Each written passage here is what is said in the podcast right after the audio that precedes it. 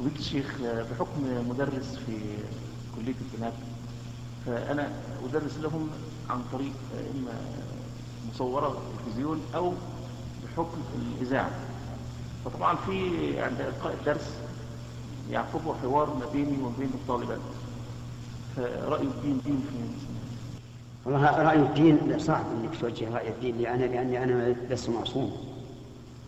ومثل هذا التعبير لا لا تلقيه على أي أحد من العلماء.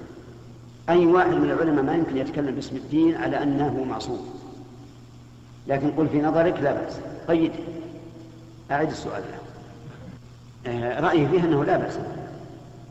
لا بأس أن الطالبة تحاور الأستاذ لكن إذا علمت أنها تمادت في البحث على وجه لا فائدة منه فاقطع الحوار أما إذا كان لغرض فالنساء كان كنا يحاورن الرسول عليه الصلاة والسلام.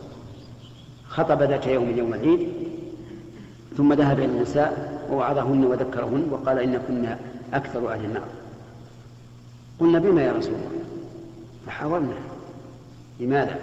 وكذلك أيضا لما أخبر أنه من امرأة يموت لها ثلاثة لم يبلغوا الحنث إلا كان ستر لها من النار قلنا يا رسول الله واثنان. قال واثنان. قلنا واحد. فهذا لا بأس به. لأن يعني كوننا نشدد في موضوع المرأة من جانب. ويأتي الناس والعياذ بالله يتحللون في حق المرأة من جانب آخر كما يوجد من السفهاء الموجودين في بلادنا وغير بلادنا ممن يريدون أن يلحقوا المرأة بالرجل. هذا لا شك أنه منكر وأنه لا يقره أحد. لكن كون نشدد حتى نقول لا يسمع صوتها وهو صوت لا محذور فيه إطلاقا فلا فليس بالصحيح. فأرى أنه لا بأس أنك تحاورها وتبين لها وتكشف لها لكن إذا رأيت منها